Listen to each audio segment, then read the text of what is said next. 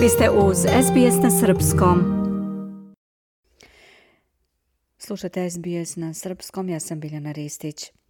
Tržište nekretnina u Srbiji dalje ima neku posebnu, redko gde prisutnu dinamiku, mada usporeno cene ipak rastu, iako se u prvoj polovini godine smanjuje broj prodatih stanova.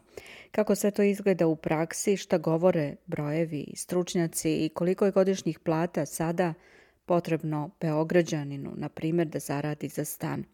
Uzimamo kao primjer baš Beograd jer se on našao u samom vrhu specijalizovanog portala Numbeo – zbog činjenice da su cene stanova daleko van dometa zarada građana. Na liniji imamo Miju Nikolić. Mio, dobar dan, recite nam koliko su porasle cene nekretnina u Srbiji poslednjih godina? Biljana, za poslednje četiri i po godine cene stanova u Srbiji su porasle za 55,9%.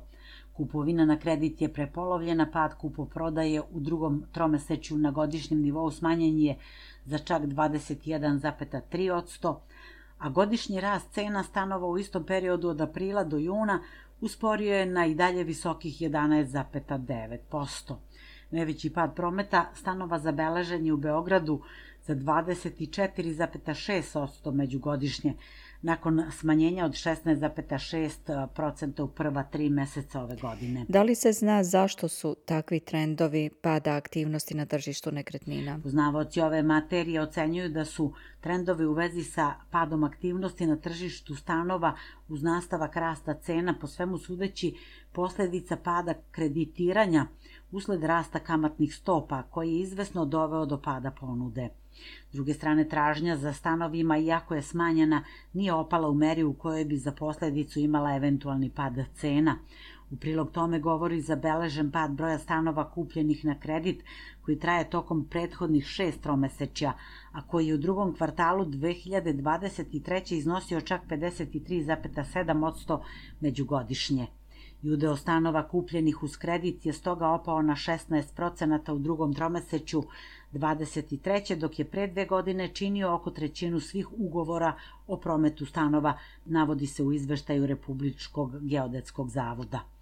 Vrednost tržišta nekretnina od aprila do juna iznosila je 1,7 milijardi evra, što je pad od 13% u odnosu na isti kvartal prošle godine.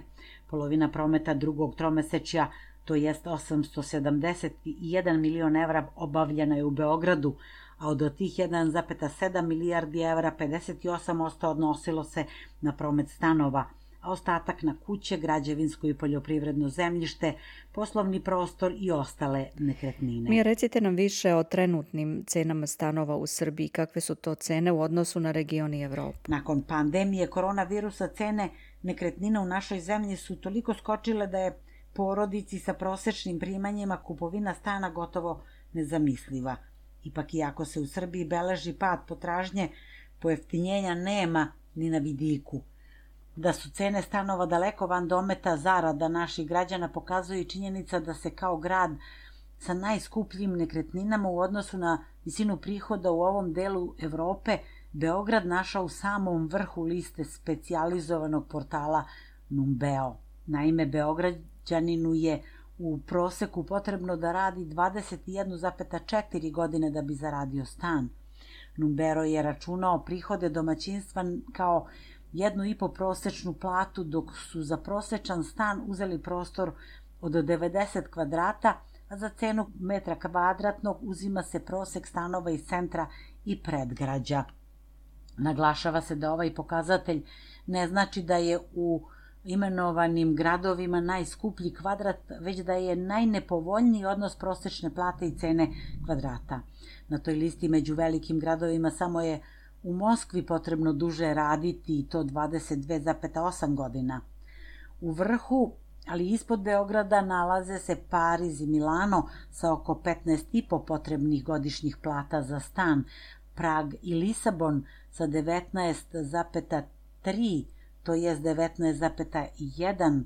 U regionu je najteže do stana doći u Beogradu i Novom Sadu, u glavnom gradu Vojvodine je potrebno da se radi 18 godina za stan i za njih je Zadar 17,9, Tirana 17 i Dubrovnik 16,9 godina.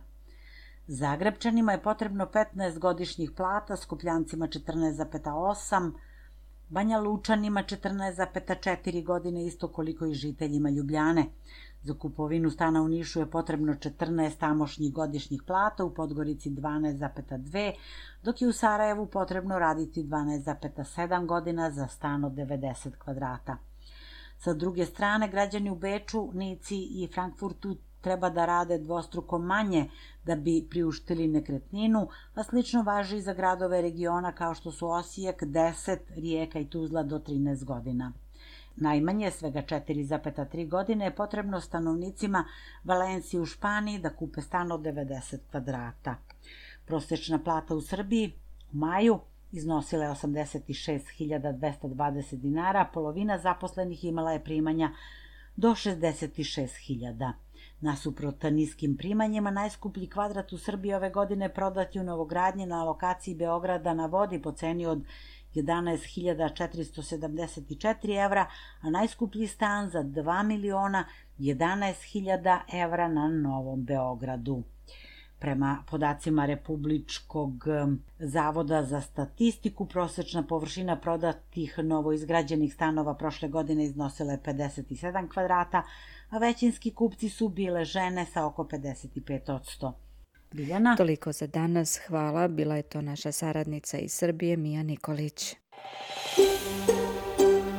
Želite da čujete još priča poput ove? Slušajte nas na Apple Podcast, Google Podcast, Spotify ili odakle god slušate podcast.